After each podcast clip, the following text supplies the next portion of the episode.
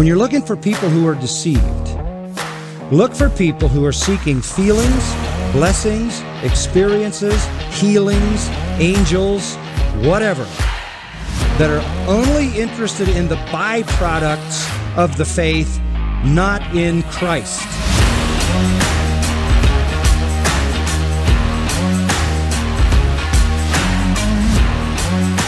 Come out from among them. Run for your life. Because this is about your life. It's not just about an opposing theology or a conflicting viewpoint on Jesus. This is about your life. Run from gospels that focus only on success and prosperity. Run. Run from churches where men and not Christ are glorified. Run. Run. Body of Christ, run. Get out. Run from churches where you're comfortable in your sins. Run from preachers that stand and tell stories and jokes. Run like you've never run before.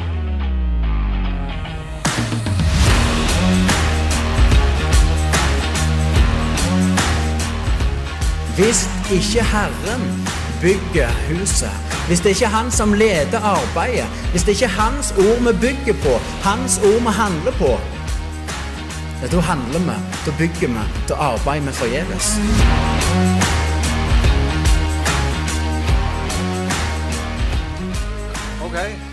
Da var vi tilbake igjen med en ny episode fra Reformerte lekmenn. Mitt navn er Håvard Handeland.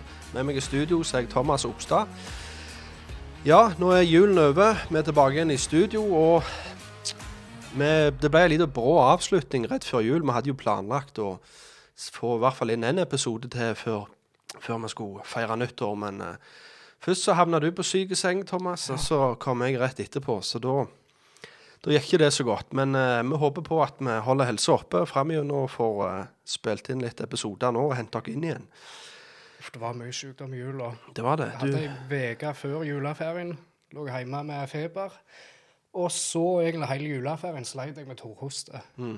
det er ikke så godt for podkast å sitte og hoste. Jeg hoster nok eh, fra før av jeg når jeg er frisk. Men når jeg er syk, da er det i hvert fall ikke godt.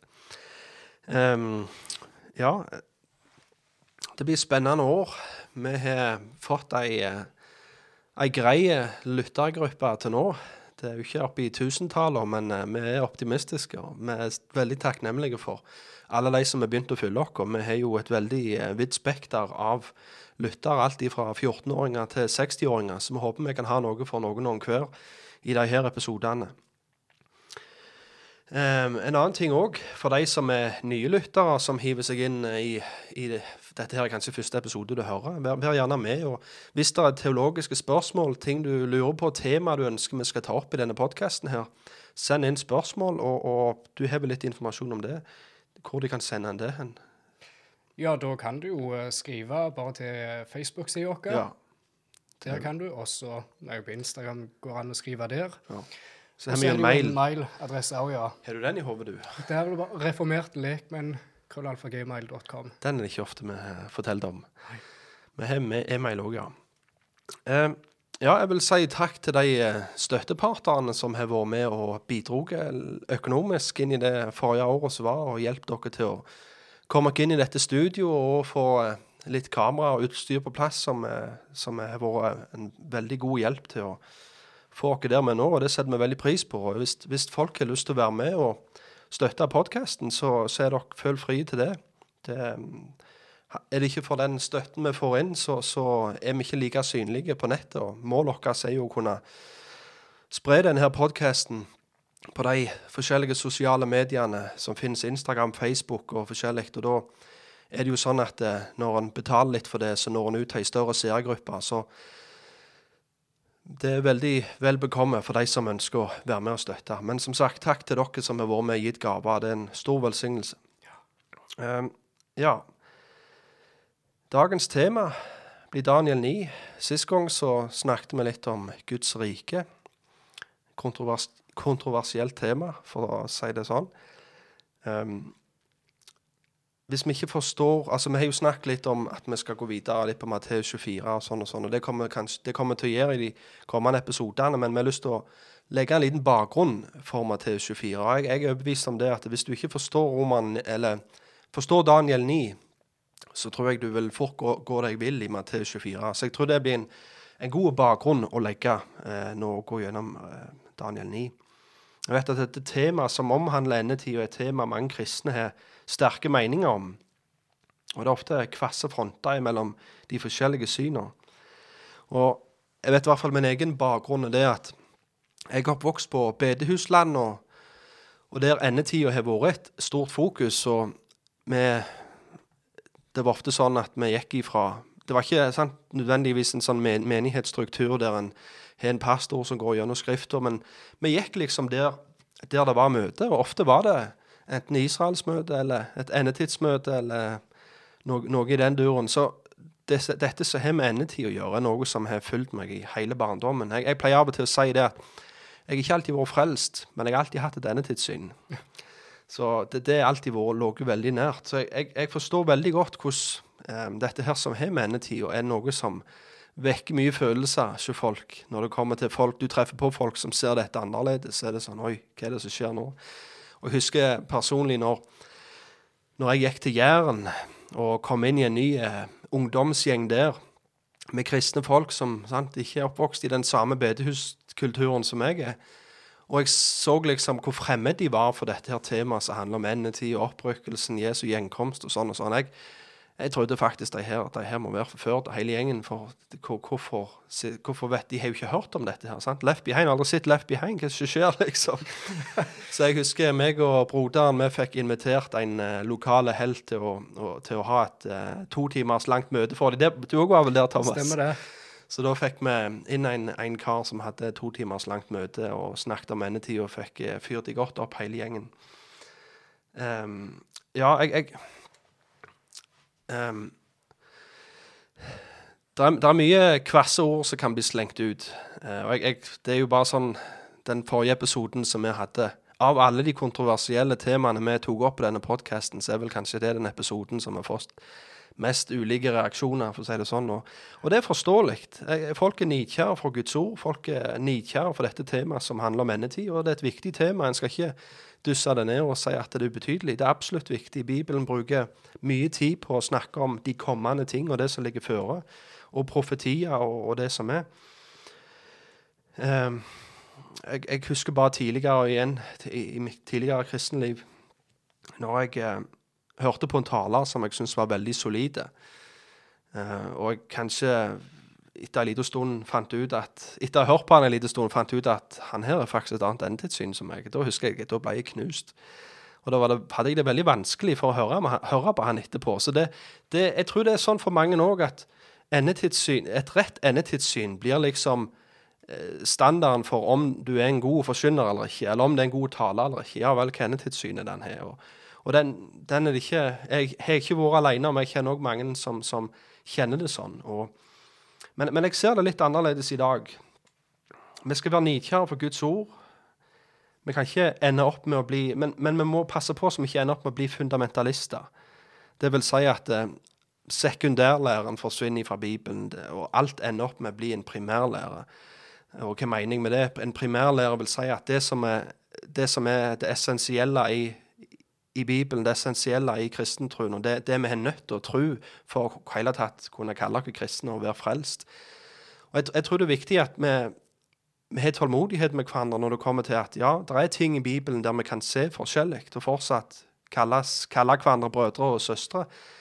Men så er det ting vi ikke kan se forskjellig og fortsatt kalles brødre og søstre. Og det er viktig at vi, vi har de to kategoriene. For det er tydelige ting i Bibelen som, som sier at dette her må en tro for å kalle seg frelst. Og Jesu døde oppstandelse eksempel. Det er ikke et alternativ å, å, tro det. Og det er heller ikke et alternativ det som handler om hvem er Gud. sant? Eh, en Gud, ett vesen i tre personer. eksempel det, at Gud er en evig Gud. Sønnen har ikke blitt til i tida, men han har vært fra evighet av, osv. Det her er ting som en, en, må tro rett. Ja, selvfølgelig, når, når en kommer inn i, i i kristenrekkene som et spedbarn, så kan en tenke litt feil om de her tingene sånn og sånn pga. umodenhet. Men en kan ikke bevisst, som en moden kristen, bekjennende kristen, gå imot de her essensielle, eh, primære lærerne i, Bibelen. Men når det kommer til sekundærlære. Og da faller faktisk dette her som er endetida å gjøre.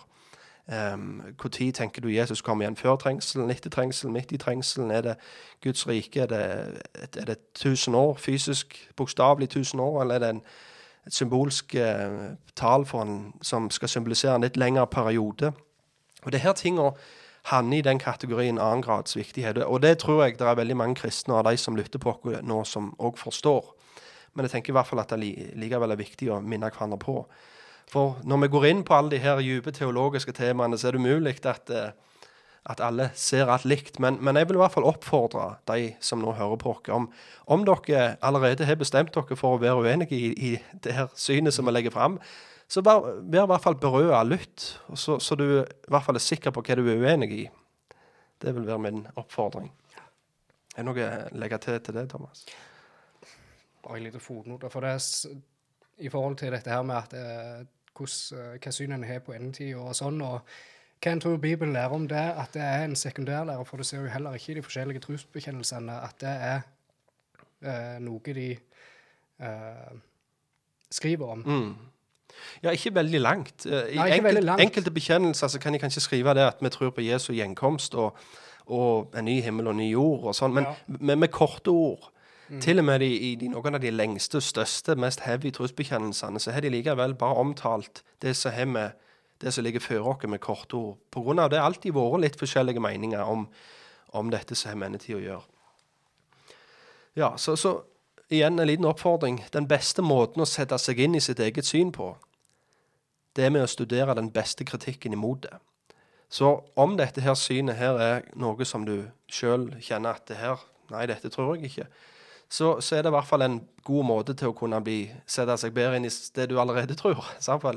Så, så, så, lenge det får deg inn i Skrifta og får deg til å åpne Bibelen og prøve alt det vi sier opp imot Guds ord for. Jeg er ikke inspirert, og det er heller ikke Thomas, men Guds ord er inspirert, og vi ut ifra beste evne ønsker å legge ut og forklare det som står der med, med Guds nåde. Um, siste episode så snakket vi litt om evangeliet om riket, og vi så at det var lov til David at Herren skulle reise opp en iblant hans etterkommere som skulle sitte på hans trone, og som skulle opprette et evig rike på jorda som aldri skulle forgå. Og Det vi da ser når, når Jesus kommer til jorda, er at han begynner sin forkynnelse med å si at tidens fylde har nå kommet, og Guds rike er nær. Og Han kaller folk til å omvende seg og tro på evangeliet sånn at de kan få sine synder tilgitt og bli medborgere til dette riket. Det var ikke bare profetert at Messias skulle komme og opprette et rike, men det var også profetert når Messias skulle komme og opprette dette riket. Og Det er det vi skal se litt nærmere på i dag. I denne episoden vil jeg vi skal se litt på, nærmere på Daniel 9, som sagt. Og Da skal vi se på timinga for Messias sitt komme og hans rikes komme. Um, vi gikk jo, nevnte jo Daniel 2 sist gang. Um, men som sagt, det var en lang episode. Det var masse. Jeg tror ikke folk har vondt av litt repetisjon. Så Thomas, kan ikke du begynne litt med tak gjennom Daniel 2? Hva, hva, er alle bildene? Hva er alle det, sant? Take it away. Ja, for i Daniel 2 da har du den kjente historien om Nebukadneser når han får denne her drømmen om denne her billedstøtta. Uh, og det er jo på en måte I denne her billedstøtta, da, så er det jo uh, fire riker representert. Du har det babylonske, uh, som Nebukadneser hersker over. Og det neste er det persiske, og neste uh, er det greske. Og det fjerde riket, da, det er det romerske riket, altså føttene på dette her. Så står det òg i um, Hvis jeg leser nå ifra, ja, i kapittel 2, og så Jeg leser bare litt ifra, begynner ifra vers 31. Du så konge, og se, det var en stor billedstøtte. Din, denne billedstøtten var veldig stor og hadde en overdådig glans. Den sto foran deg, og den hadde en fryktinngytende skikkelse. Hodet på denne billedstøtten var av rent gull, brystet og armene var av sølv, magen og hoften var av bronse, beina var av jern, føttene dels av jern og dels av leire. Ok, De forskjellige lagene på, på denne her støtta. Så står det videre, da mens du så på dette, ble en stein slått løs, men ikke av hender. Den traff billedstøtten på føttene, som var av jern og leire, og knuste dem i småbiter. Og det er litt uh, interessant å, å legge merke til at denne her steinen som ble slegnet ut, den traff føttene. Og føttene, hva representerte det? Det representerte det romerske riket. Så der får du på en måte en liten indikasjon da på hva tid uh, Guds rike skulle komme. Det skulle treffe føttene, uh, altså i det romerske riket. I løpet av det romerske riket. Uh, og videre da om, altså om denne her steinen, da, så kan òg eh, Det ble skrevet på, i, i vers 44 og 45. I disse kong, kongenes dager For nå har han på en måte gjennom de forskjellige rikene, da.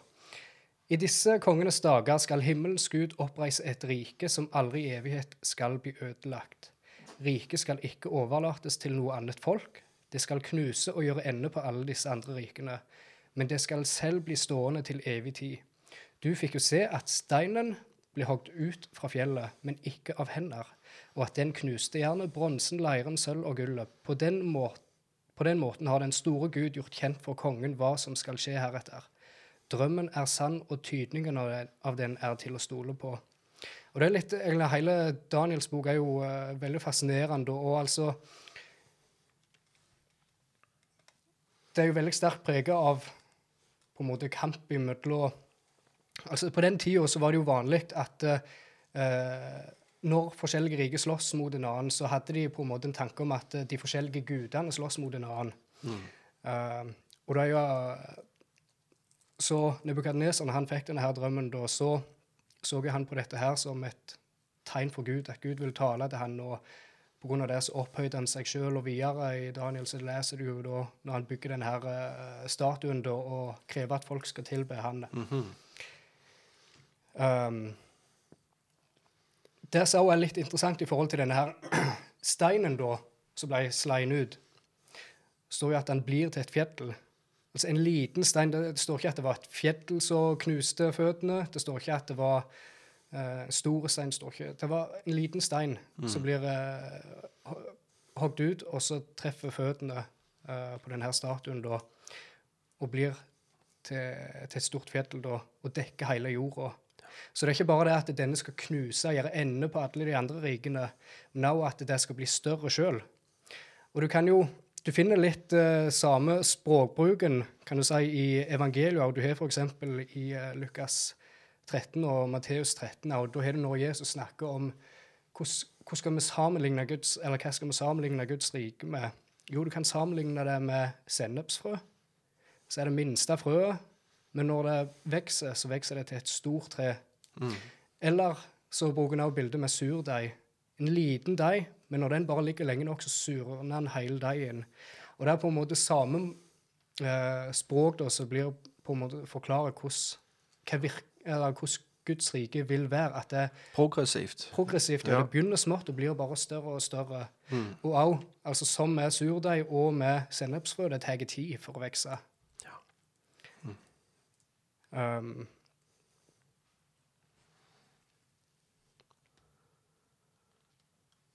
Du hadde noe videre på Lukas 17, eller hvordan var det?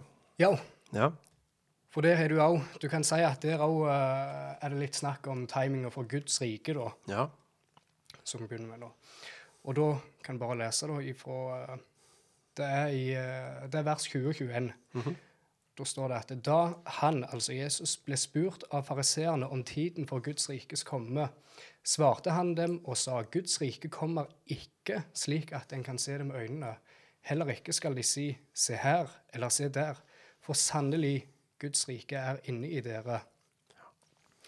Og her kommer vi jo også litt inn på forventningene, da til Guds rikes komme, til hva fariseerne, hva jødene forventa med dette riket, hvordan det skulle komme. Og de kjente jo på en måte historien hvordan store riket kom til makt. Det var jo med krig og med sverd. Og de kjente jo også sin egen historie, altså kongen, eh, kong David. Så, så Gud ga løfter om dette her evige riket og til. Han var jo en stor kriger, han vant mange kamper. Du kan også lese i, i andre Samuels bok om eh, Det blir beskrevet på en måte hvor, eh, hvordan noen av krigerne hans eh, drepte 300 mann med spyd liksom, og sånne ting. Uh, så de kjente jo på en måte til sin historie om hvor mektige kong David og Israel var. Eh, så det var på en måte Og de levde jo under det romerske riket. De var okkupert av uh, Romerriket. Så var jo det de lengta etter, at skulle komme på en måte en politisk skikkelse, kan si, en hærfører, for å fri dem fra den uh, romerske okkupasjonsmakta da. Um, skal vi se um, Det som også da, når Jesus står i vers 21 av Lukas sier at Guds rike kommer ikke sånn at en kan se det, uh, slår han jo på en måte i hjel deres forventning da, hvordan i det hele riket skal komme. Eh, og Det som er litt interessant, og det er jo, for han sier jo at Guds rike eh, er blant dere, eller er inni dere. Men en, med tanke på konteksten, for Jesus her snakker jo til fariseerne, og uh, det greske ordet som blir brukt for 'inni i', det er ordet eh, skal vi se, 'entos', som betyr innen, indre, inne eller iblant. Så med tanke på konteksten så er det faktisk bedre å si at uh, Guds rike er blant dere på grunn av at Jesus snakker jo som sagt til fariseerne. De trodde jo ikke på han, så da kunne jo ikke Guds rike være i dem. Men han annonserer på en måte Guds rike er blant dere, for han sier på en måte indirekte 'Jeg er her. Ja, sånn. Kongen har kommet'. Ja, det er interessant å se hvordan uh, timinga blir lagt ut. Um, men allikevel så har vi jo sant, Det er litt forskjellige tolkninger rundt denne her. Daniel 2. For det er jo som sagt, som jeg nevnte i en tidligere episode, at noen som gir beina til denne her Nebukadneser billedstøtte og vanvittig lange. Sånn at uh, det er ikke det Romerriket som Jesus faktisk kom til når, når han kom til jord. Men Et det, det, romersk det er et gjenoppretta romersk rike en eller annen gang langt der framme. Og det er derfor FN, eller, eller ja nei, FN, det her ti de stjernene, flagget og Ja. Ja. Det er derfor de eh, blir holdt litt under teleskopet av en del eh, profetiforskere. For de, sant? Når, når eh, Eller er det EU? EU Ja. EU Kameramannen ikke EU EU-flagget med alle stjernene. Da var det jo veldig populært sant, vel, når, når eh, Vi har jo de ti fjellene i åpenbaringen og trekker litt paralleller til når Jesus kommer til kommer og knuser denne her føttene til Nebukadneser. Og så tenker en at, eh, at de her eh, stjernene symboliserer um, er noe som vi finner igjen i Skrifta. Og, og jeg husker rett før eller jeg husker ikke, så lenge har jeg ikke levd, men rett før de hadde fått ti stjerner, da, så er det jo nå kommer han igjen. For nå, nå skal Messias komme og knuse beina til Rom. Altså, F, altså EU blir Rom, da, kan du si. Det gjenoppretter romerske riket. Men, men igjen, da legger han inn et gap der. Han legger inn en parentes der på en veldig lang tid som, som vi ikke finner i Skrifta. Eh, Vi finner ikke det i den teksten. Det er noen helt vanlige bein, helt vanlige teter, og de rikene fulgte kronologisk etter hverandre. Og etter det romerske riket så har det vært flere stormakter etter det, så det ødelegger veldig i, i kronologien i den teksten hvis det skal være et gjenoppretta romersk rike en eller annen gang i framtida. For da er det jo ikke bare de fire rikene. Da er det jo de fire rikene og sånn hele haug med andre, hundrevis av andre riker, og så et romersk rike på slutten igjen. Men, men det var det romersk rikene som, kom kronologisk. sant? 1, 2, 3, 4. Du har babylonerne, du har medoperserne, grekerne, og så kom det romerske riket. Og, og det var det riket som, som Jesus kom samtidig som, for å si det sånn.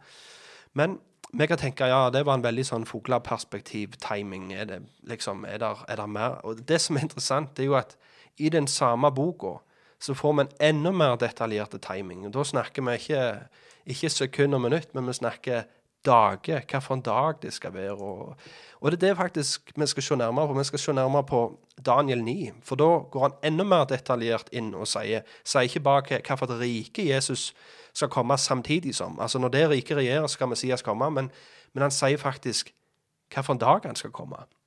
Og det skal vi se i, i Daniel 9. Eh, konteksten til Daniel 9 Daniel han eh, sitter jo i fangenskap i Babylon. Og han sitter og leser ifra Jeremias bok. Jeg kan bare ta de første setningene her i begynnelsen av Daniel 9. Det var i det første regjeringsåret til Darius, Ahasverus' sønn. han som var medernes ett, og som var gjort til konge over kaldeernes kongerike.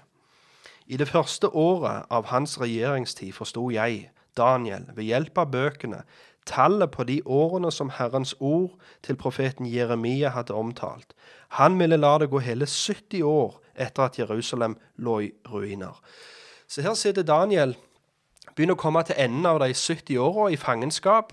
Jerusalem er blitt lagt i grus. Byene, hele byen, er blitt ødelagt.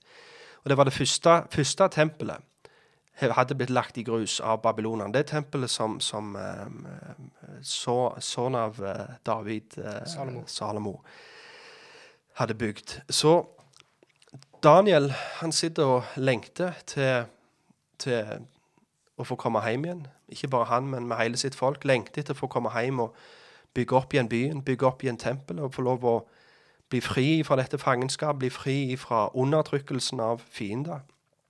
Og han sitter nå og le leser i Jeremias bok. Og Jeremia han var antageligvis 40 år når Daniel og resten av jødene ble tatt til fangenskap. Jeremia han trengte ikke det. Um, han så på Jeremia som god mann. Han, han likte Jeremia, så han sa du, du kan få et alternativ. Du kan bli med oss, men ellers kan du gå hvor du vil. Og, Jeremia valgte å finne seg en jordeiendom en, en eller annen plass. Um, så her sitter Daniel, og hvordan han har fått tak i denne her boka her, det, det, vet jeg ikke, men, men han sitter i hvert fall og leser Jeremias profeti, og da leser han Jeremia 29,10. Og vi skal bare se raskt der hva det som står i Jeremia 29,10. Hva var det Daniel leste? Og han leser For så sier Herren, når de 70 årene for Babylon er fullført, da skal jeg se til, se til dere og la mitt gode ord gå i oppfyllelse for dere. Og jeg skal føre dere tilbake til dette stedet. For jeg vet hvilke tanker jeg tenker om dere, sier Herren. Tanker til fred og ikke til noe ondt. Jeg vil gi dere framtid og håp. Da skal dere påkalle meg og gå av sted og be til meg, og jeg skal høre på dere. Dere skal søke meg og finne meg når dere søker meg av hele deres hjerte. Jeg skal la meg finne av dere, sier Herren og jeg skal føre dere tilbake fra fangenskapet. Jeg skal samle dere fra alle de folkeslagene og stedene jeg har drevet dere bort til, sier Herren, og jeg skal føre dere tilbake til det stedet jeg lot dere bli bortført ifra, fordi dere har sagt, Herren har oppreist en profet for oss i Babylon.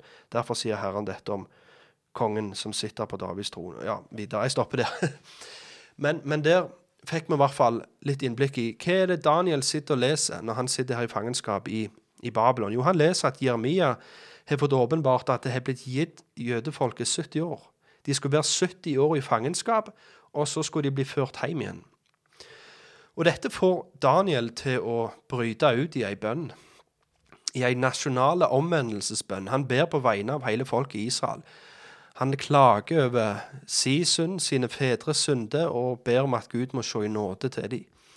Um, men det er akkurat som at Daniel han, han har på en måte en slags bekymring i denne bønnen her. For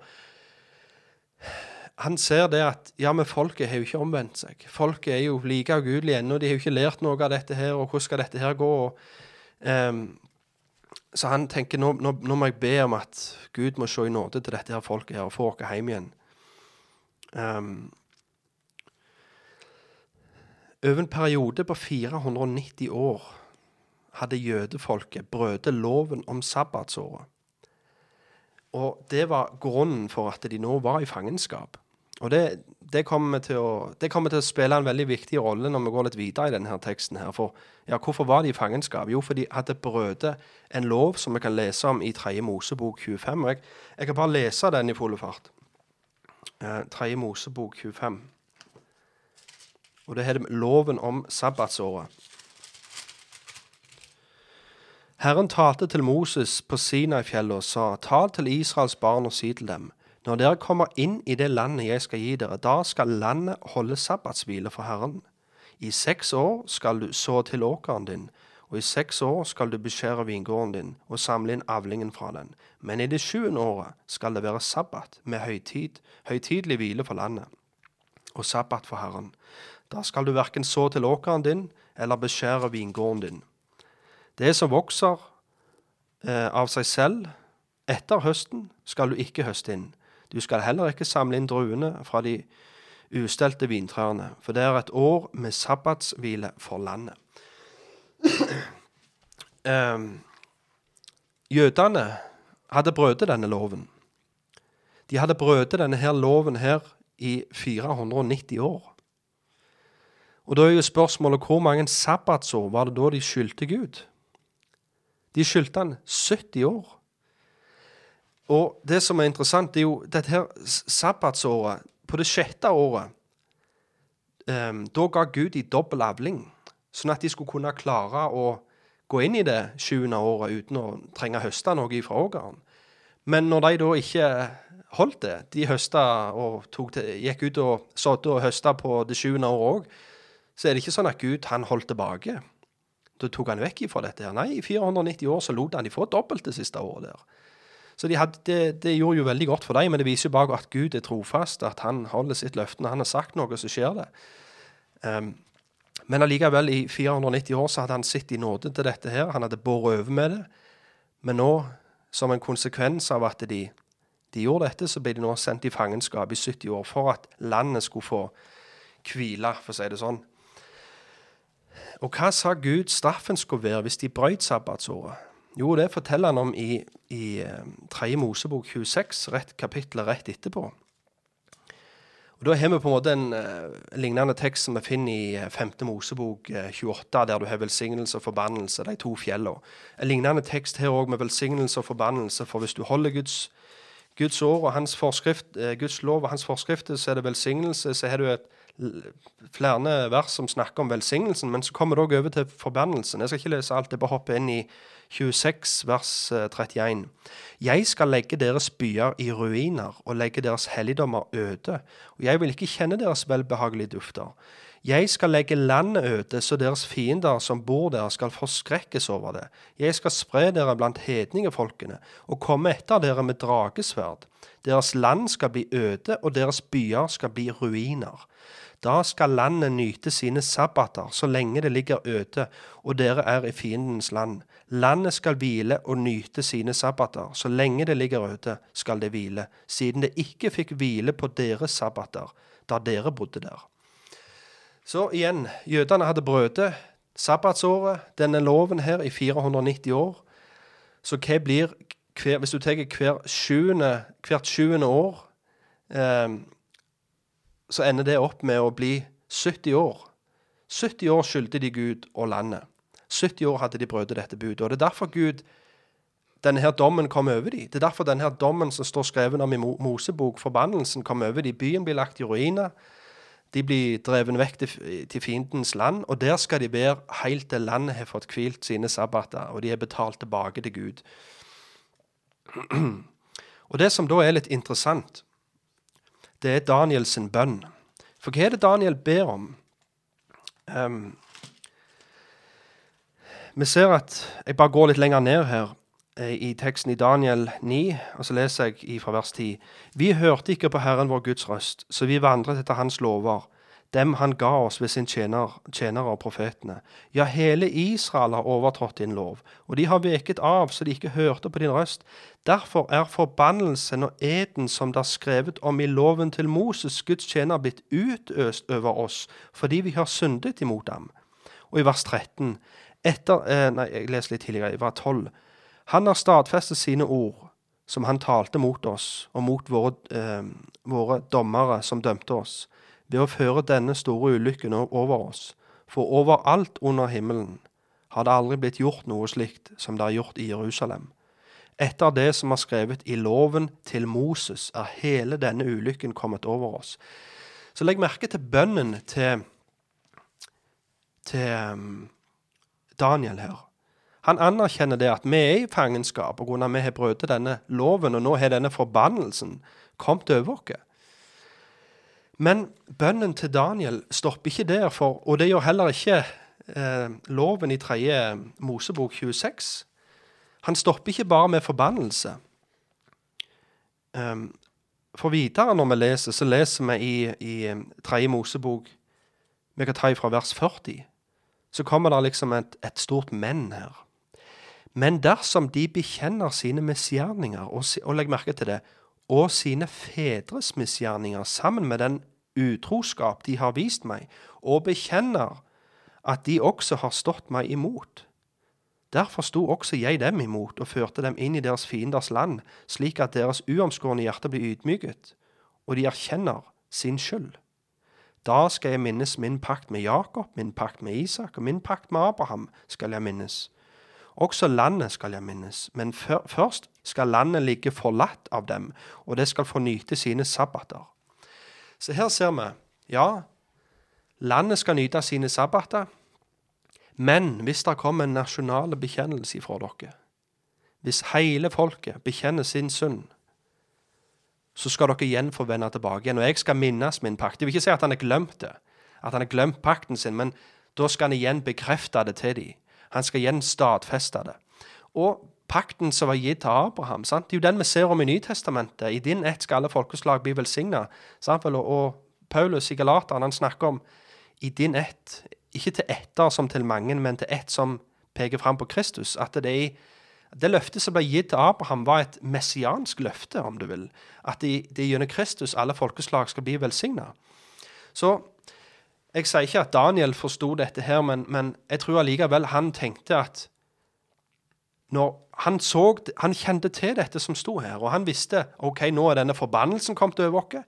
Men jeg vet òg at det står her men hvis vi bekjenner vår synd, så vil vi komme tilbake igjen. Og det her løftet som ble gitt til Abraham, skal nå bli en realitet over oss. At vi skal få lov å bo i fred, vi skal få arv, være arvinger til jorda. sant vel? Eh, Messias har kommet, han skal opprette sitt rike. Så han tenkte ok, nå, nå må jeg bare i hu og hast, for nå ser jeg at det her fangenskapet på 70 år er i ferd med å komme til en ende. Nå bare hiver jeg meg på kne nå. Det er interessant å se òg i Daniel hvor brått det går, liksom. eh, Ifra at han leser til Jeremia til han hiver seg ned på knærne. Han ville la det gå hele 70 år etter at Jerusalem lå i ruiner. Da vendte jeg ansiktet mot Herren Gud og søkte ham i fast og med bønnerop og bønn om nåde. Og legg merke til hvordan han ber. Han ber ikke bare på vegne av seg sjøl her, men han ber på vegne av hele folket. Hør hvor mange ganger det står 'vi' her. Eh, Jeg ba til Herren med Gud og bekjente også, Å Herre, du store og fryktinngytende Gud, som holder pakten og bevarer miskunnhet mot den som elsker deg, og mot den som holder dine bud. Vi har syndet og gjort misgjerning. Vi har vært ugudelige og gjort opprør. Vi har veket av dine bud og dine dommer. Vi har ikke hørt på dine tjenere profetene. Vi, vi, vi. Altså 18 ganger ned gjennom her. Vi har syndet, og vi har vært ugudelige. Våre fedres, eh, jeg bekjenner våre fedres misgjerninger. Um, Herre, hør. Herre, tilgi. Men så kommer vi til 20, inn i den teksten vi skal zoome litt nærmere på. Mens jeg ennå talte, ba og bekjente min synd og, hør nå, og mitt folk Israels synd, og bar fram min bønn om nåde for Herren, min Guds åsyn, og for min, eh, for min Guds hellige berg. Ja, mens jeg ennå talte i bønn, se, da kom den mannen Gabriel. Så jeg, synes bare det er en veldig interessant kontekst, en bakgrunn. For ofte når vi skal tolke tekster, så hopper vi rett i teksten og har ikke peiling på konteksten. Vi har ikke peiling på hva, hva er det som har skjedd her, hvorfor er han i fangenskap, hva, hvorfor ber han sånn som han gjør. Og, og det, det er viktig å forstå. Det er viktig å forstå at de har faktisk nå vært i, i 70 år i fangenskap pga. at de hadde brødet sabbatsårbud i 490 år. Og det kommer til å være veldig viktig nå når vi skal gå inn og forstå denne tolkninga til, til Gabriel. Ja. Og når vi nå kommer til Daniel 9,24 Ja. Ja, host og hark, skal vi se. Og Når vi da kommer til Daniel 9,24, så leser vi at engelen Gabriel sier til Daniel at han skal lære han å forstå. Ehm, han lærte meg, talte med meg og sa, Daniel, jeg har nå kommet for å lære deg å forstå. Da du begynte med dine bønner om nåde, gikk det ut et ord, og jeg har kommet for å forklare det for deg. For du er høyt elsket. Legg merke til ordet og forstå synet. Og det er det vi ønsker alle nå. Eh, å legge merke til det som står her, og forstå det. Og da begynner denne her eh, Gabriel begynner med å forklare, og så sier han 70 uker er bestemt. Og det neste som kommer nå, er veldig viktig, for her er det ofte sporet av for veldig mange. 70 uker er bestemt for ditt folk og for din hellige by. Denne profetien her, det her er ikke en snakk om eh, eh, en tidsperiode eller en tid som er gitt for verdens ende. Men det her er en tid som er blitt gitt til ditt folk og din hellige by, altså til jødene og for byen. Det var ikke noe by nå, det var ikke noe tempel nå. Så allerede i første eh, åpningssetning så indikerer han at de skal få en by tilbake igjen, og de skal få et tempel igjen. Så det er veldig viktig å ha med oss mens vi går gjennom hele den teksten her. Hele denne her profetien om Daniel 9 omhandler jødene og deres by og deres tempel. Først må vi se litt på hva disse 70 ukene betyr. Og Her er det ikke snakk om 70 uker som består av vanlige 24 timers dager. Men her er det snakk om 70 åruker. Det er på en måte det samme eh, som vi snakket om sabbatsåret. Hvert sjuende år. Det, han, det, det på den må, han teller på en måte i sabbatsår. Så det er derfor ikke den der vanlige tellemåten som vi ser ellers i Bibelen. Det vil si, ei uke er ikke sju dager, men sju år. Hva blir da regnestykket? Jo, det blir sju ganger 70. Og hva blir det? Jo, det blir 490. Og disse 70 ukene er sabbatsuker. Så Gabriel kommer her til Daniel. Um, så Gabriel eh, kommer til Daniel og forteller han at jødefolket skal få 490 år til på seg å omvende seg. Sant? Daniel han, han eh, tenker det at hvis jeg bare hiver meg ned på kne nå, og så bekjenner jeg hele folkets synd, så vil dette riket komme, og, og så blir det iverksatt her og nå. Men det var jo ikke Altså, Gud sa hvis det kommer en nasjonal Hvis folket bekjenner sin synd, ikke bare si synd, men sin fedres synd, hvis de, hvis de kommer fram virkelig i sekk og aske, holdt det på å si, så skal riket komme. Så skal fornyelse komme, gjenopprettelse og helbredelse og hele pakken. Men Daniel tenkte at han skulle ta dette i sine egne hender, og jeg bekjenner nå synden for hele folket, og så tenkte han kanskje at det, det var det som var meint. Men jeg tror det er litt derfor engelen kom òg og forklarer han at det, det, det er ikke nok at bare du ber denne bønnen, men folket må omvende seg. Um, en annen ting som er viktig å merke seg, er loven om jubileåret. Eller nådens år, som det ofte blir kalt. Den loven kan man lese om i 3. Mosebok 25, vers 8. Og loven om jubileåret handler om Eller den var sånn at du skulle telle sju sabbatsår. Sju ganger sju år. Og tida for de sju sabbatsårene ble da 49 år. Og da skulle basunen lyde, og, de 50, og det 50. året skulle bli hellige. Og det skulle bli ropt ut frihet over hele landet for alle som bodde der. Fanger og slaver skulle bli satt i frihet, og du skulle få vende tilbake til eiendommen din osv. Grunnen til at jeg nevner dette her, det er at når vi leser et tall, eller når vi hører et tall som er 490, så er ikke dette et random tall. Men dette er et tall som skal fortelle oss at nå står det ultimate jubileåret for døra. Og det er da det er interessant at det første Jesus forkynner for jødene når han um, kom inn i synagogen Vi kan lese om i, i Lukas 4. Så leser vi at han siterer fra Jesaja 6. For Jesaja, nei, Jesaja 61 Jesaja 61 er liksom en profeti om at jubileåret skulle få sin oppfyllelse. En profeti om at jubileåret skulle få et klimaks, om du vil. Og, og Jesus åpner opp Jesajas bok og leser fra Jesaja 61, og der står det Herrens Guds ånd er over meg, for Herren har salvet meg til å forkynne evangeliet for fattige. Han har sendt meg for å forbinde den som har et sønderbrutt hjerte, for å rope ut frihet for fanger, for å sette de bonde fri, for å rope ut et nådens år fra Herren. Og han avslutter med å si, i dag har dette skriftstedet blitt oppfylt foran deres øyne. Så dette jubileåret var ikke et eh, så, så dette jubileåret var et bilde som pekte fram imot Jesus. Og de som kom til tro på han, skulle bli satt i fri fra fangenskapet til Satan og ifra slaveriet til synd. Så Jesus er denne sabbaten. Jesus var den ultimate jubileet. Han er vår evige hvile, som Skriftet sier. Og, og jeg tenkte vi kunne gå litt til Hebreerne 4 nå og se litt nærmere på det. For Hebreerne 4 tar opp litt dette temaet her om denne hvilen. Um, da tar vi fra 4. Jeg kan bare lese fra vers 1. Siden det gjenstår et løfte om å komme inn til hans hvile, så la oss derfor frykte, så ikke noen av dere skal vise seg å være det foruten. For evangeliet ble også forsynt for oss, slik som det ble for dem. For, men ordet som de hørte, ble ikke til noe nytte for dem, fordi de ikke ble knyttet sammen med troen i den som hørte det. For den som har kommet til tro, går inn til denne hvilen, som han har sagt. Så sverget jeg i min vrede, de skal ikke få komme inn til min hvile, selv om gjerningene var fullført ifra verdens grunnleggelse av. For han har et sted talt om den sjuende dagen på denne måten, og Gud hvilte ifra alle sine gjerninger på den sjuende dagen. Og videre på dette stedet, de skal ikke komme inn til min hvile. Siden det altså gjenstår at noen skal komme inn, og de som det først ble forsynt for, ikke kom inn på grunn av ulydighet, fastsetter han på ny en bestemt dag og sier ved David, etter så lang tid, i dag, om dere har, eh, i dag som det er blitt sagt, i dag, om dere hører hans røst, derfor herd ikke deres hjerte. For om Josva hadde ført dem til hvile, da hadde han ikke talt om en annen dag etterpå. Derfor gjenstår det en sabbatshvile for Guds folk. For den som har kommet inn i hans hvile, har også selv fått hvile fra sine gjerninger, slik Gud hvilte fra sine.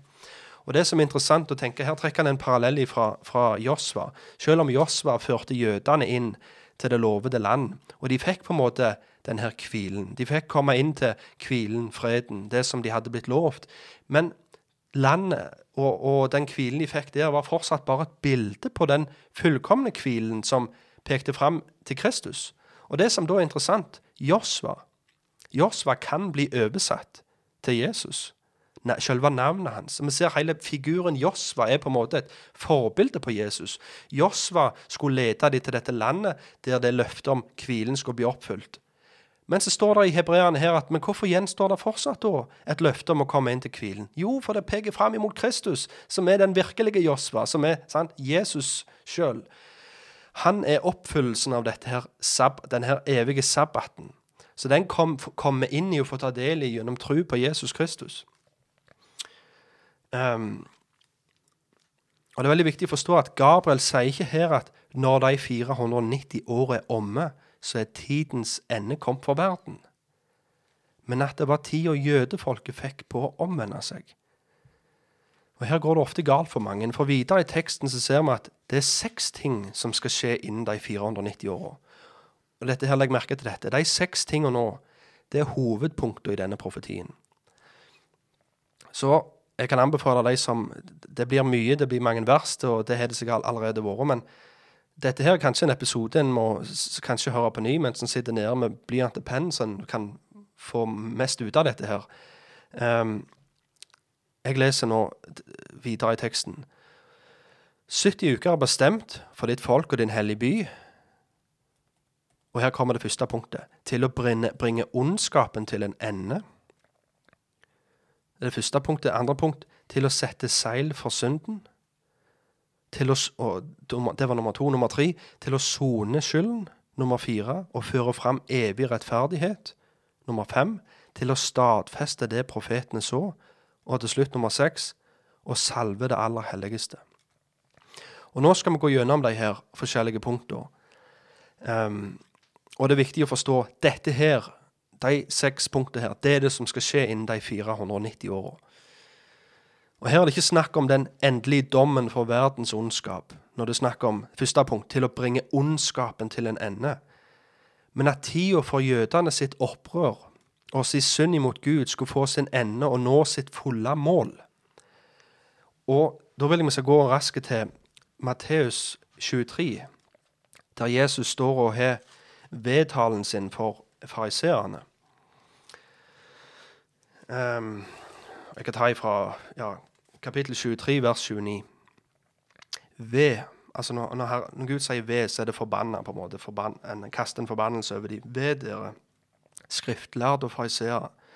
Dere hyklere, fordi dere bygger profetenes graver og pynter de rettferdiges gravstøtter og sier:" Hvis vi hadde levd på våre fedres tid, hadde vi ikke vært medskyldige med dem i profetenes blod.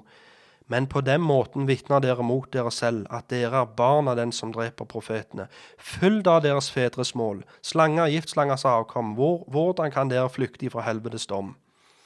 Se derfor sender jeg dere profeter, vise menn, skriftlærere. Noen av dem skal dere drepe og korsfeste, og noen av dem skal dere piske i synagogene deres og forfølge ifra by til by, for at alt det rettferdige blodet som er utøst på jorden, skal komme over dere, fra det rettferdige Abels blod til blodet av Zakaria, Bakarias sønn, han som dere myrdet mellom tempel og alteret. Sannelig sier jeg dere, alt dette skal komme over denne slekt. Så igjen, her ser vi på en måte de 490 åra kommer til en ende på ny. På ny. Og det som skal skje, eh, det første punktet det som skal skje, at eh, ondskapen skal nå sin mål. Og I denne talen legg merke til setningen til Jesus. Han sier 'følg da deres fedres mål'. Og det, nett, det, er et av de punktene her i denne profeten i Daniel 9. Det er at målet for synden skal nå sitt mål. Altså nå, målet for synden skal nå sin topp, om du vil. Og Jesus sier på en måte her i, i sin vedtale Kom igjen, fyll oppi de siste dråpene. Og så forteller han at de siste dråpene vil bli fulgt opp pga. de kommer bare til å fortsette akkurat liksom sine fedre gjorde. De kommer til å drepe profetene, og noen skal de piske synagogene sånn, osv. Og, og det er derfor han konkluderer med å si og derfor skal alt det rettferdige blodet fra Abel og helt til Zakaria komme over, den, komme, komme over dere, som det står. Sannelig sier jeg dere, alt dette som kommer over denne slekt, sier han. Um, og videre, der det virkelig når sitt klimaks, der synden når sitt fulle mål, kan vi jo lese om i Matteus 27. Jeg skal bare ta en liten parafrase.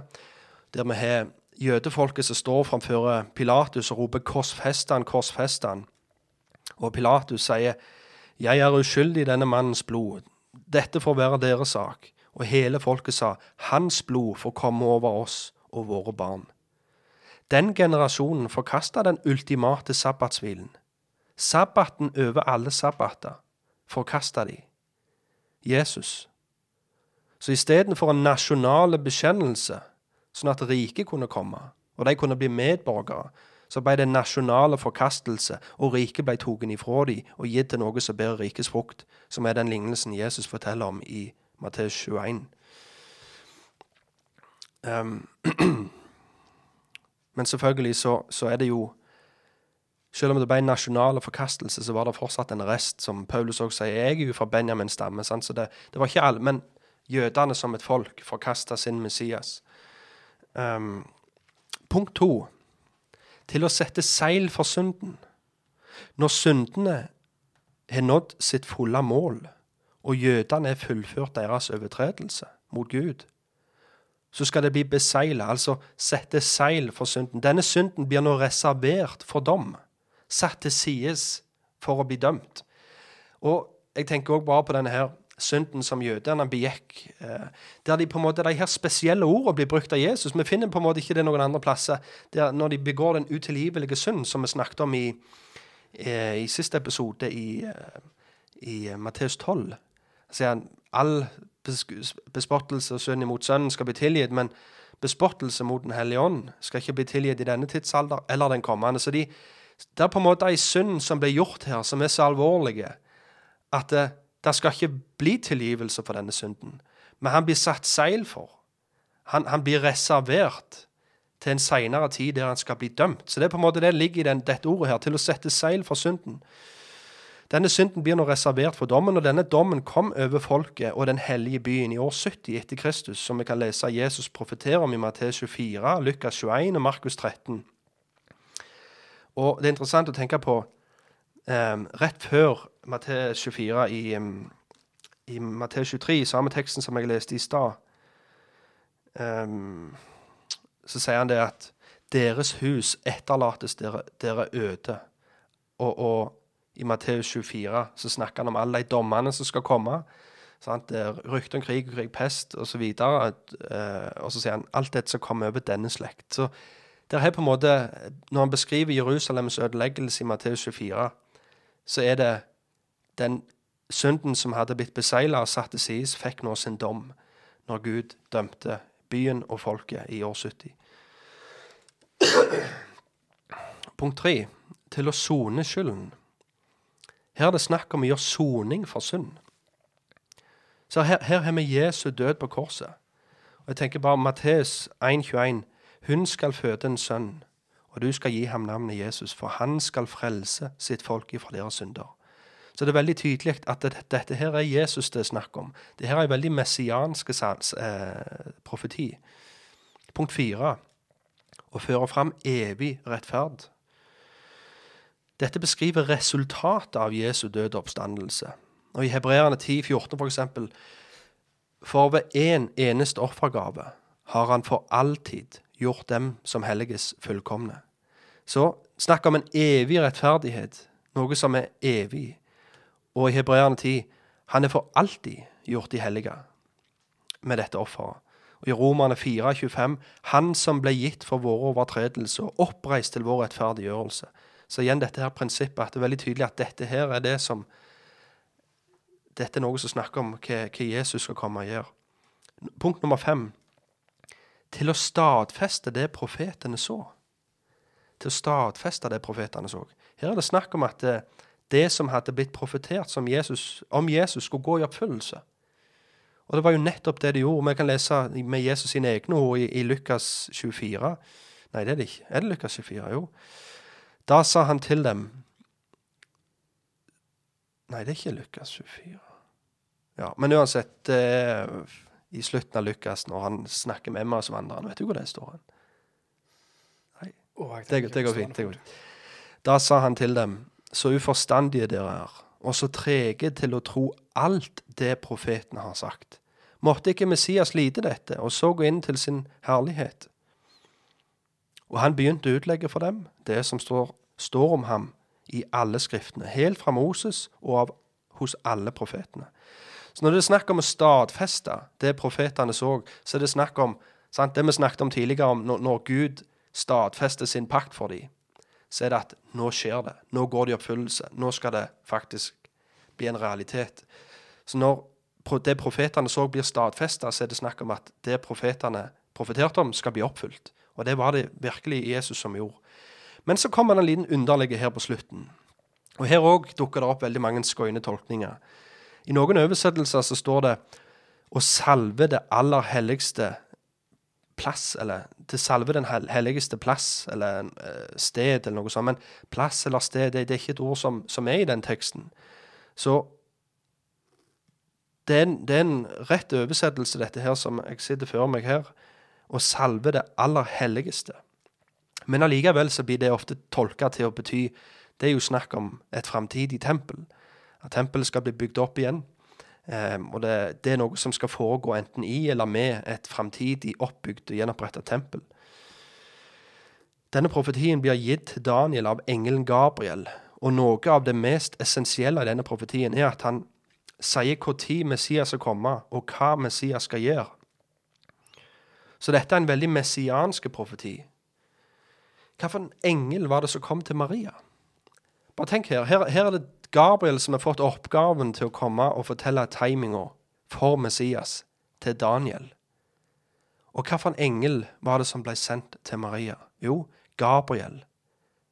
Jeg bare ser for meg Gabriel kommer til Maria Sist han var nede og snakket med Daniel, så snakket han at det skal komme en eller annen gang. Og så kommer han til Maria. Nå er han her. Nå har han kommet. Så i Lukas 1,30, da sa engelen til henne, frykt ikke, Maria, for du har funnet nåde hos Gud. Og se, du skal bli med barn og føde en sønn, og du skal gi ham navnet Jesus. Han skal være stor, og han skal kalles den høyeste sønn. Og Herren Gud skal gi ham hans fars Davids trone. Og han skal herske over Jakobs hus for evig, og hans rike skal ikke ha noen avslutning. Da sa Maria til engelen, Hvordan kan dette gå til, da jeg ikke har levd med noen mann?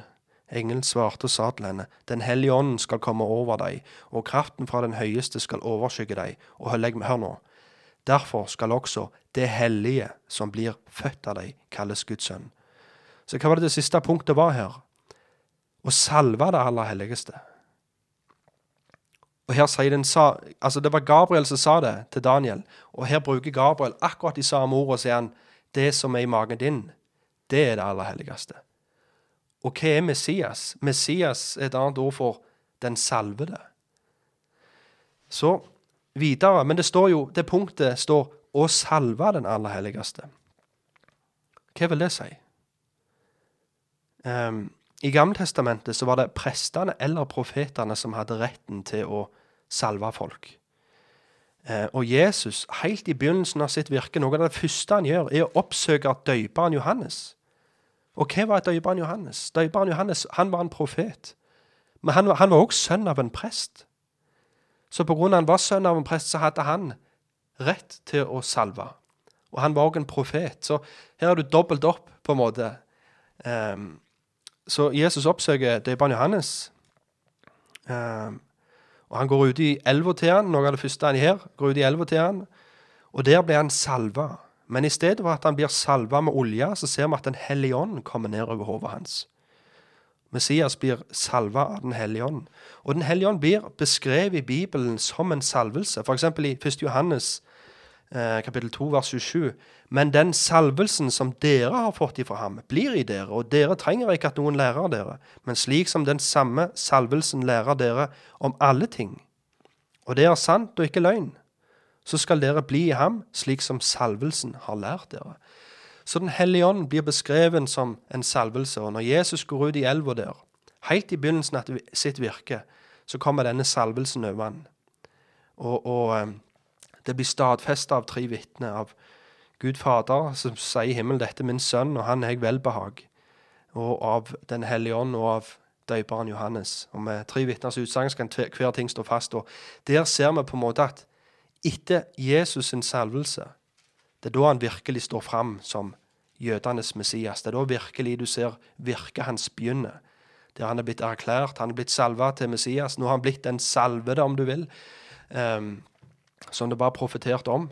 Um, så engelen kommer til Daniel og forteller at jødefolket skal få Skal vi se um, Skal få 490 nye år på seg, omvende seg, ellers så kommer dommen. Og i neste vers Nå har vi liksom gått igjennom de eh, seks punktene. Dette er de seks tingene som skal skje innen de 490 åra. Nå går vi videre. Neste vers får vi beskjed om når denne klokka skal begynne å telle. For det er jo veldig essensielt. Når skal vi begynne å telle? 490 år ifra når? sant? Og Derfor sier han derfor skal du vite og forstå at fra ordet om å gjenoppreise og bygge opp igjen Jerusalem går ut, inntil Messias fyrsten kommer, skal det være sju uker og 62 uker. Gaten og vollgraven skal bli bygd igjen, men i tider med trengsel. Så de 70 ukene, eller de 490 åra, begynner å telle ned når det går ut et ord om å gjenoppreise Jerusalem. Det er da tida begynner, klokka begynner å tikke, om du vil. Og fra ordet om å bygge opp igjen Jerusalem til byen står ferdig, skal det gå sju uker, altså 49 år. Det er på en måte, Han deler opp. Det er to ting som skal skje, og det er derfor han kommer med to tidsperioder her i teksten.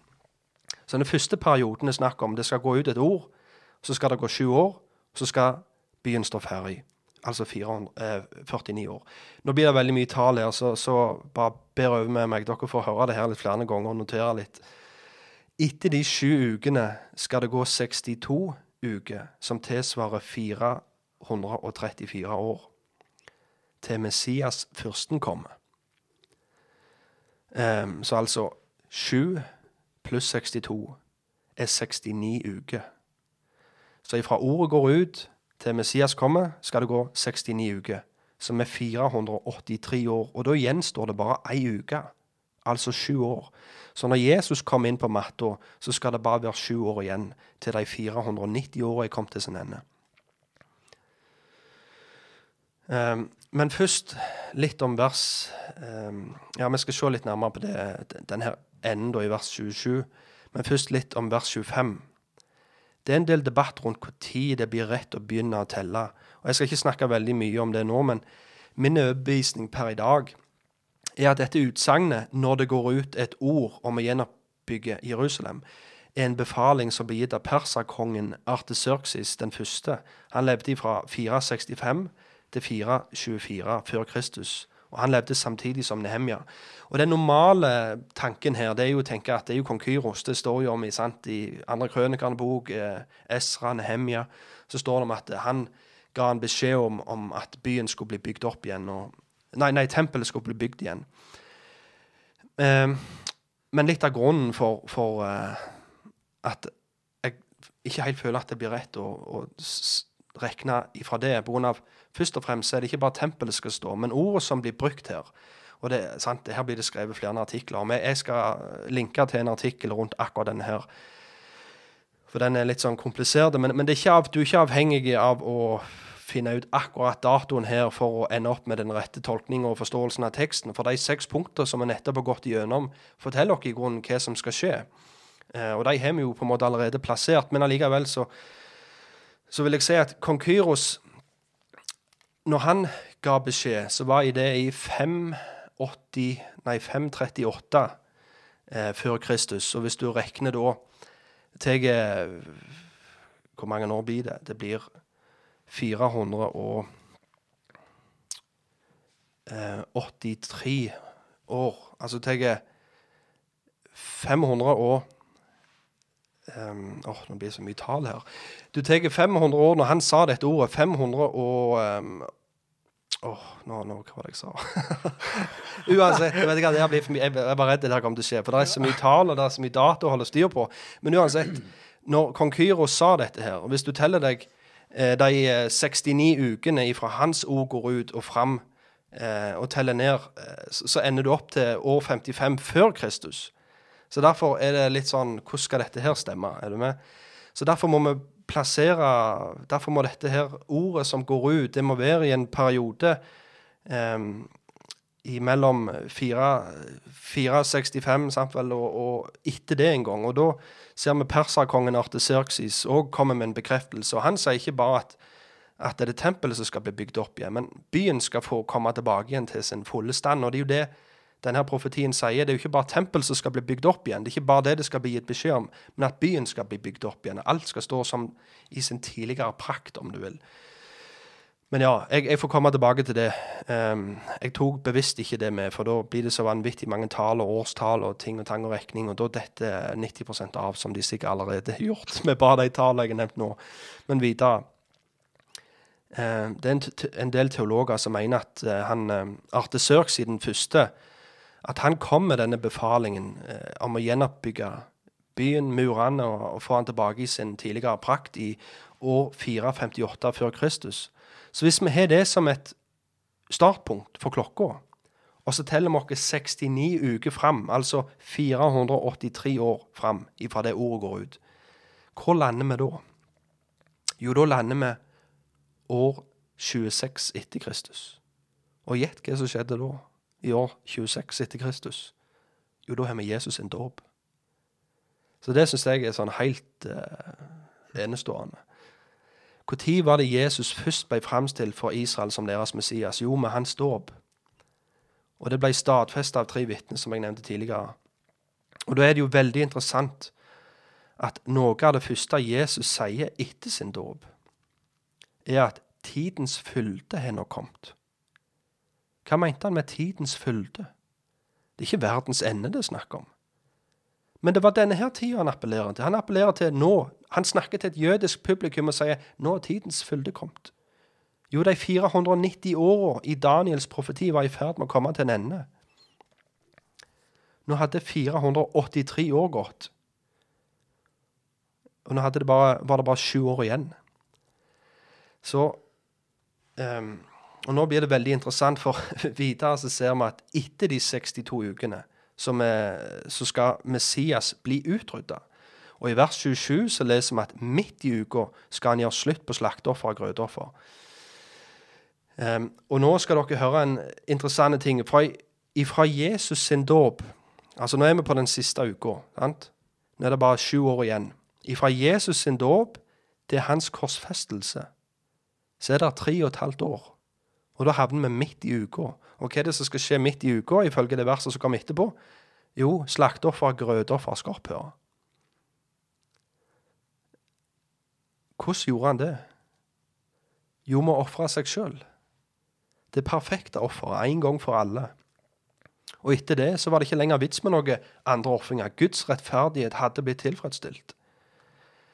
Men jeg må få med en viktig detalj i, vers 26 først før vi går til det siste verset. Etter de 62 ukene skal Messias, altså den salvede, bli utryddet.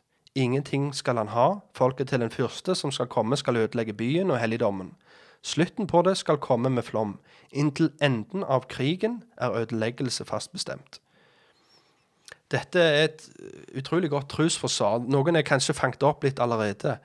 Men når vi snakker om eh, sant, profetier som profeterer om Jesu død, at Messias skulle komme og dø sant? Du har den kjente Jesaja 53, men òg denne her teksten, at denne her Messias, den salvede, skal bli utrydda.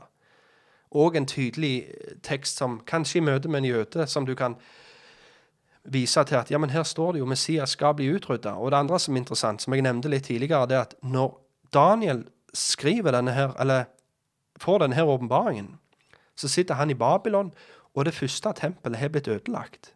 I denne profetien så står det at det skal bli bygd opp et nytt tempel. Det blir tempel nummer to. Og så står det at fyrsten, altså denne her Messias, skal komme. Eh, ikke fyrsten, men Messias skal komme og bli utrydda. Så et nytt tempel, tempel nummer to, har blitt bygd. Messias kommer. Han blir utrydda, han dør, mens det andre tempelet fortsatt står. Og etter han er blitt utrydda, så skal det komme en fyrste med et folk og ødelegge byen og helligdommen. Så hva er poenget her? Poenget her er at hvis ikke Jesus er Messias, så er det ikke noe Messias. Det er umulig, sånn som mange, tenker, mange av jøder tenker i dag, at de venter fortsatt på en framtidig Messias. Men ifølge Daniel 9 så måtte Messias komme mens det andre tempelet sto, og før det ble ødelagt. Så Derfor er det et vanvittig godt trosforsvar, syns jeg. Det er litt sånn frysninger-opplegg. Um, uh, så ifølge denne profetien så skal Messias komme mens det andre tempelet står, og før det andre tempelet blir ødelagt. Uh, så med at Messias ble utrydda, så kom jødene sin ondskap til en ende. Nå hadde han nådd sitt fulle mål, og denne synden ble nå satt seil for og reservert til dom. Og den dommen forteller han om videre i teksten. Altså med, med konsekvensene av, av, at de seks punktene Konsekvensene av at deres forkastelse av Messias er at folket til den første skal komme og ødelegge byen og helligdommen. Så det er ikke nødvendigvis at alt som står i, i Daniel 9, skal presses inn i de 490 eh, åra, men at det når du snakker om at en folket til fyrste skal komme, så er det snakk om konsekvensen av. Dette blir følgende av at synden er nådd sitt mål. Eh, I vers 27 Han skal stadfeste en pakt med de mange i én uke.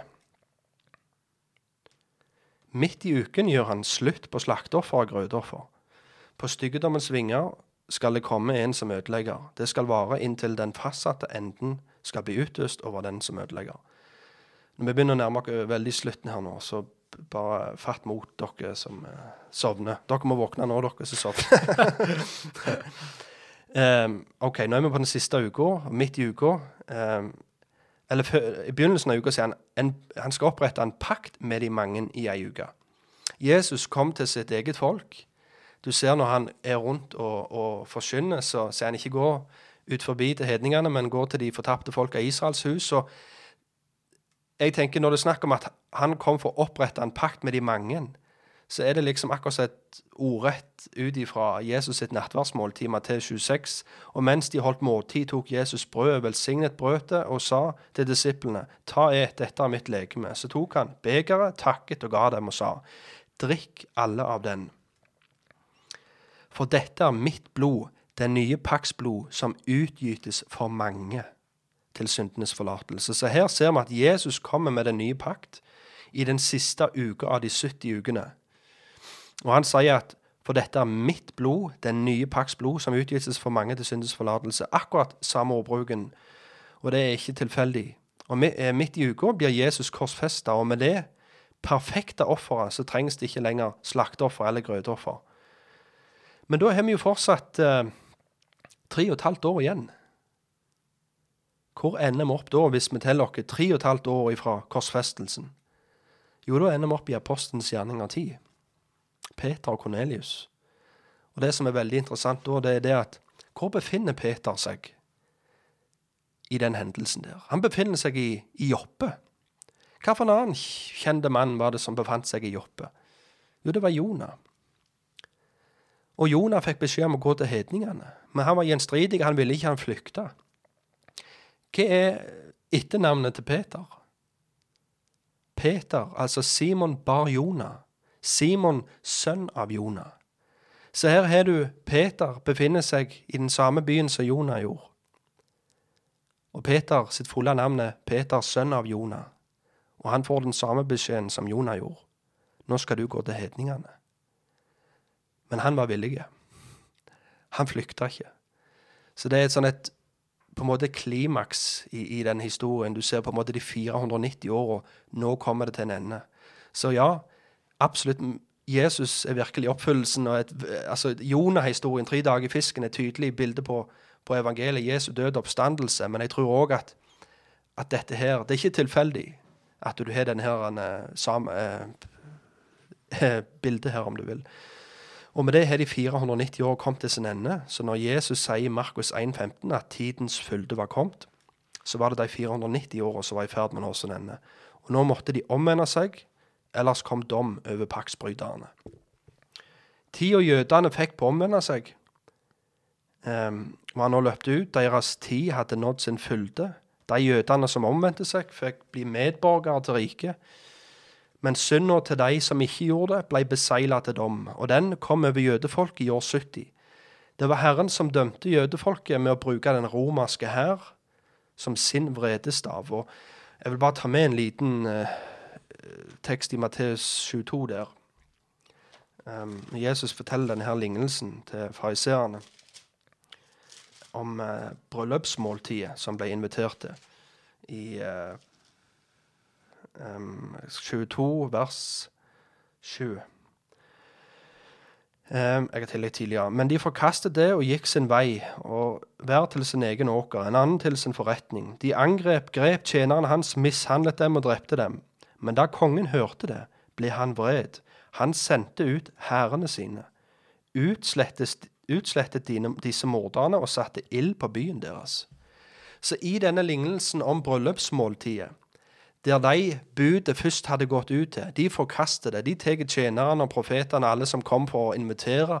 De, bank, de, de tar livet av dem, slakter de, akkurat som Jesus anklager eh, jødene for i, i, i Matteus 23.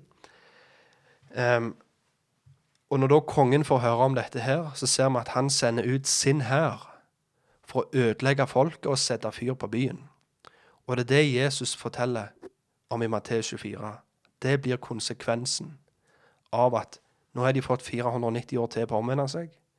Og istedenfor å ta imot den ultimate jubileet, altså Jesus, så forakter de den ultimate jubileet. De forakter Messias, sin egen konge, sin egen Gud. Og derfor blir den synden der reservert til dom. Eh, og det er da vi leser og det, ja, ja, vi har en lignende tilfelle i Jesaja 10. Det er òg med jødefolket som har vært ugudelige og drevet drev magestyrkelse en av det andre. Gud bruker en annen nasjon som sitt, sin vredestav. Han bruker Syria. Han sender Syria imot Jerusalem for å legge byen i grus og ødelegge den. Sant? Så det er det samme prinsippet. Du ser at det er det han gjør òg. Gud bruker den romerske hæren for, for å straffe paktsbryterne. Og det er det engelen Gabriel avslutter med å fortelle i Daniel. Daniel 9, 27. På styggedommens vinger skal det komme en som ødelegger. Det skal vare inntil den fastsatte enden skal bli utøst over den som ødelegger. Og husk, dette er ikke en av de seks tingene som skulle skje innen de 490 åra. Men dette er konsekvensen av de seks tingene. Dette er konsekvensen av at de, den, de forakta salvelsen av han hellige, han, den hellige. At de, for, de forakta denne Messiasen. De utrydda han, som det står i teksten. Um, og Dette verset siterer Jesus i Matteus 24 når han profeterer om Jerusalems ødeleggelse. Når Jesus forlot tempelet for siste gang, så står han på Oljeberg og sier, Jerusalem, Jerusalem, hun som dreper profeten og steiner den som har sendt til henne. Hvor ofte vil jeg ikke samle sammen dine barn, som en høne samler kyllingen under sine vinger? Men dere vil ikke. Se, deres hus etterlates dere øde. Tidligere, når Jesus drev ut pengevekslerne, så kalte han, kalte han det sitt fars hus. Men nå ser vi at han sier deres hus. Deres hus skal bli latt øde. Han vil ikke identifisere har noe med det å gjøre lenger. Um, og denne dommen og denne ødeleggelsen profeterer Jesus om i Matteus 24, og det er det vi skal snakke om i de kommende episodene. Så det får dere følge med på videre. Um, bare en sånn liten tanke her. Nå, jeg, gikk nå gjennom denne her teksten, her, og en av de mest populære tolkningene av denne teksten det er at etter de 69 ukene så er det en parentes. Jeg bare spør dere, ser dere en parentes i denne teksten? Ser dere at klokka stoppet der? Hvis de 490 åra som de hadde brødre først, som gjorde at de havna i fangenskap i 70 år, hvis det var faktiske 490 år, hvorfor skal det plutselig de her 490 åra plutselig bli en parentes i? Som gjør at det ikke blir 490 år lenger, men det blir mangfoldige tusen år. Sant? Det blir 2490 år i så fall. Av nå har det vært et parates på over 2000 år. Og, og mange vil si at den her i midten av uka eh, eller han går inn i en pakt med de mange, så det står at det her er snakk om Antikrist. Og midt i uka han gjør slutt på slakteoffer og grøtoffer. Det er et gjenoppbygd tredje tempel en eller annen gang i framtida. Antikrist skal sette seg i tempelet. Etter han først har gått inn i en pakt med jødefolket og oppretta fred i, i, Israel og på jord. Og, og, og etterpå, midt i uka, setter han seg i tempelet, og da skal jødene bestå. oi, det her var ikke det vi hadde tenkt. Og sånn og sånn. Og da skal han få slutt på slakteoffer og grøtoffer igjen. Og, altså, de, de, får på en måte Antikrist blir en vanvittig sentral person i denne her profetien. Mens når det i grunnen Det er én han, altså det personlige pronomen der, han. Det, det blir brukt om Messias i denne teksten. Og, og når det fortsetter ut i vers 27, så er det den samme han det er snakk om. Det er ikke blitt introdusert en ny han nå, som er med Antikrist. Um, så, så jeg, jeg, vil ikke primært Jeg tenker den beste måten å overbevise folk om, om uh, noe som står i skrift, og ikke kritisere alt som alle andre tror på og mener, men å legge fram en positiv bekjennelse. Det er det vi ønsker å gjøre, og ønsker å ha gjort nå. Så får de prøve seg sjøl. Jeg følte i hvert fall at den, denne her teksten her er nok det som har gjort at, at jeg var med på å gjøre at jeg uh, kjente at jeg, jeg kan ikke holde til det synet som jeg hadde tidligere. For det står ingenting i denne teksten her om en parentes. De snakker om at det, den profetiske klokka har stoppet pga. jødene tok ikke imot sin Messias. Og Derfor ble riket utsatt en eller annen gang i framtida. Og når menigheten blir oppbrukt, så begynner denne profetiske klokka å tikke igjen. Så nå lever vi i en parentes, noe som var en hemmelighet for de i Gammeltestamentet, men som nå har blitt åpenbart. Eh, at eh, nå er det menighetens tidshusholdning. Og, og denne her leiren roser seg i, og jeg sjøl rost meg i det at vi holder oss til en bokstavelig tolkning av teksten. Vi holder ikke på åndelig gjør vi sånn og sånn. Men jeg vil kalle dette her en veldig sånn fantasirik tolkning. En veldig eh, En legger ting inn i teksten som ikke står der. En presser et system inn. En, en må legge en parentes inn i de 490 åra for å få systemet sitt til å passe. Istedenfor å se hvor perfekt de 490 åra, og, og, hvordan alle de seks punktene passer så godt med det som vi nettopp har gått gjennom. At det, og Salvelsen av det aller helligste, hvordan, det uten tvil er snakk om Messias. Er Det med? Det er han som er det aller helligste, det er ikke noe tempel. Um, men igjen, eh, prøv det, alt som ble sagt, opp imot Guds ord. Dette er nok en tale, eller en podkast som må høres en del ganger. for massivt mye info. Og, og det er samtlige som er enige om at Daniel 9 er en av de mest vanskelige tekstene i Bibelen. Uh, og, og, det, det vil, jeg, vil jeg si jeg òg, at det er en ufattelig vanskelig tekst. Det er så mange tall, så mange årstall, og du kan lett liksom gå deg vill. Um, men uh, vi ga det et forsøk, og så får vi håpe at det var til velsignelse for noen, og noen fikk noe ut av det. Så beklager jeg litt sånn hacking og, og forskjellig der underveis. Men ja, hva sier du, Thomas? oh, nei, dette var interessant å høre på. Ja. Fytti. Det er Nei, det er spennende hele. Men jeg eh, så bare og tenkte i forhold til, som du nevner med hvordan ofte når en har disse her forskjellige endetidssyn og, og så på en måte striden står i en, uh, hvordan en tolker Bibelen. Mm. Og uh, folk vil si at dere åndeliggjør bare ting. Uh, vi holder dere til en bokstavelig tolkning. og sånn, og det er, alt, det er ikke nødvendigvis alltid det som er poenget, men faktisk at, altså at det ikke handler om kun tolke ting bokstavelig eller bare tolke ting åndelig, men faktisk tolke ting bibelsk. Stemmer det.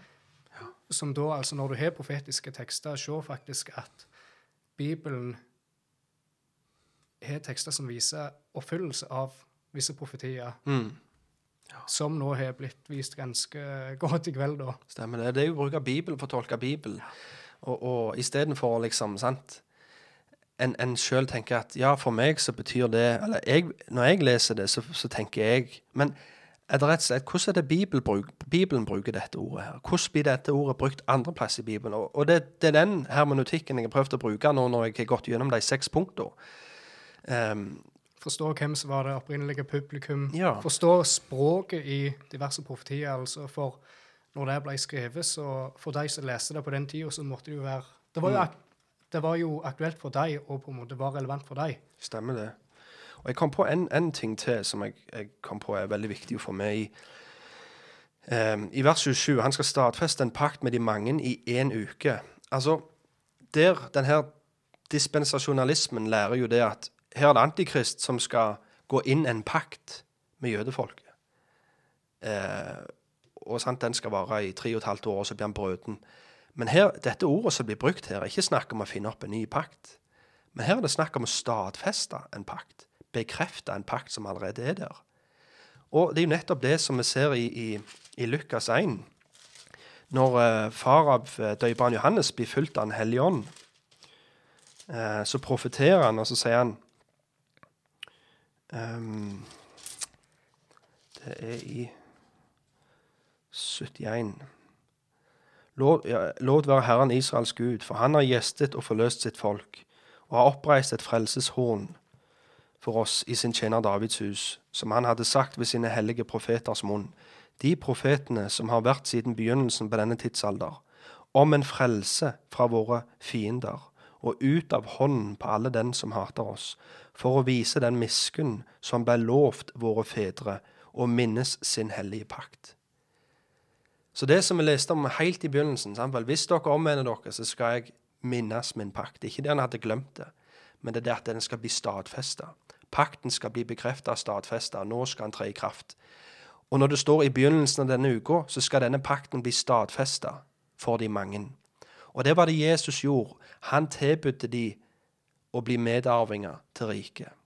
I tru så skulle de få være medarvinger til de løftene som ble gitt til Abraham. I din nett skal alle folkeslag bli velsigna. De som kommer til tru, får ta del i den velsignelsen i lag med Abraham.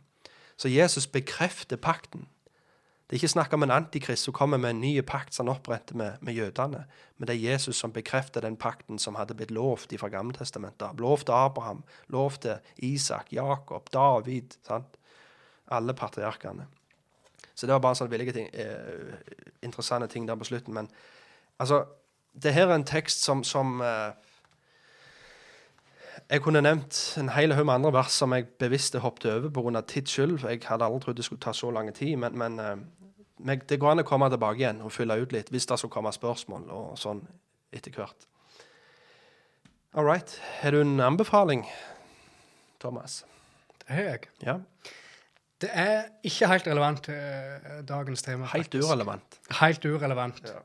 Det er en kake Nei da. Uh, I eh, jula nå så, så jeg en veldig god dokumentar Ja. som heter American Gospel. ja. Christ Crucified. De har jo lagd en uh, tidligere som heter Christ Alone. Og nå er det på en måte temaet i denne, denne dokumentaren handler om hva som skjedde på korsfestelsen da, der det går litt mer inn på uh, dette med, med at det var faktisk Gud Fader som straffa Jesus på korset, på en måte i det usynlige, om du vil. Uh, og sånn så i den eh, Jeg vet ikke om du husker, i den første filmen så hadde de jo de, Det sto jo flere ganger at en prøvde å få intervju med visse folk. Eh, de fikk liksom ikke det da, men nå har de fått uh, intervjua en del folk, eller folk har sagt seg villige til å bli intervjua, og det er folk som står imot det som på en måte er uh, ortodoks, klassisk og som jeg også vil si da, bibelsk lære på hva som skjedde, med, nei, hva som skjedde på korset. Der de da uh, får uh, fortelle hva de mener egentlig skjedde på korset. At det faktisk, De står gjerne imot dette her med, med Vet du hva? Jeg anbefaler American Gospel. Enkelt og greit. Nå skal Ja. jeg ikke eh, Fortelle hele, røpa hele Ja. filmen. Nei, men det, den vil jeg òg anbefale. Den var skikkelig god. Meg og kona òg så den i, i, i juleferien, og den var helt fantastisk. De som har sett den første filmen, de eh, kan bare vite det at uh, nummer to er vel så bra. Men du kan leie den, eller er det bare å Du kan leie den. Vi leide Ja. den for uh, uh, 45 kroner eller noe sånt, og så har du den i 48 timer eller noe. Så det er jo et Det er vel verdt pengene, for å si det sånn. Absolutt anbefaler. Du går inn på nettsida deres, americangospelfilm.com, eller org. Ja, ja. Bare søk på American Gospel Film på Google, så finner du den. Min anbefaling er ei bok som jeg holder opp til kamera litt her nå. Det er He Shall Have Dominion, ei feit lefse av uh, min gode venn uh, Kenneth L. Gentry. Uh, og det er òg her et greit kapittel der han går gjennom Daniel 9. Ehm, ja. Det, det er jo ei eh, bok som handler om endetida, for å si det sånn. Riket og de forskjellige aspekter. Og, og, ja, enkelt og greit. Jeg anbefaler den boka. He Shall Have Dominion. Ei fantastisk bok. Ja. Med det, ja, før jeg sier Jeg skal gi en liten teaser på neste episode. Nå begynner vi en eh, Ja, ja, jeg vet ikke hvor mange episoder det blir. Det blir noen episoder. Kanskje fire-fem episoder. Der vi går gjennom T24 vers for vers. Så det blir spennende. Gled dere til det. Følg med i fortsettelsen. Og er du uenig, så, får du, så kan jeg gi dere nummeret til Thomas, og så ringer dere og skjeller- skjeller han ut. Nei da, men det er godt. Eh, Vi snakkes om ei ukes tid, forhåpentligvis, om Herren vil. Så på gjenhør. På gjenhør.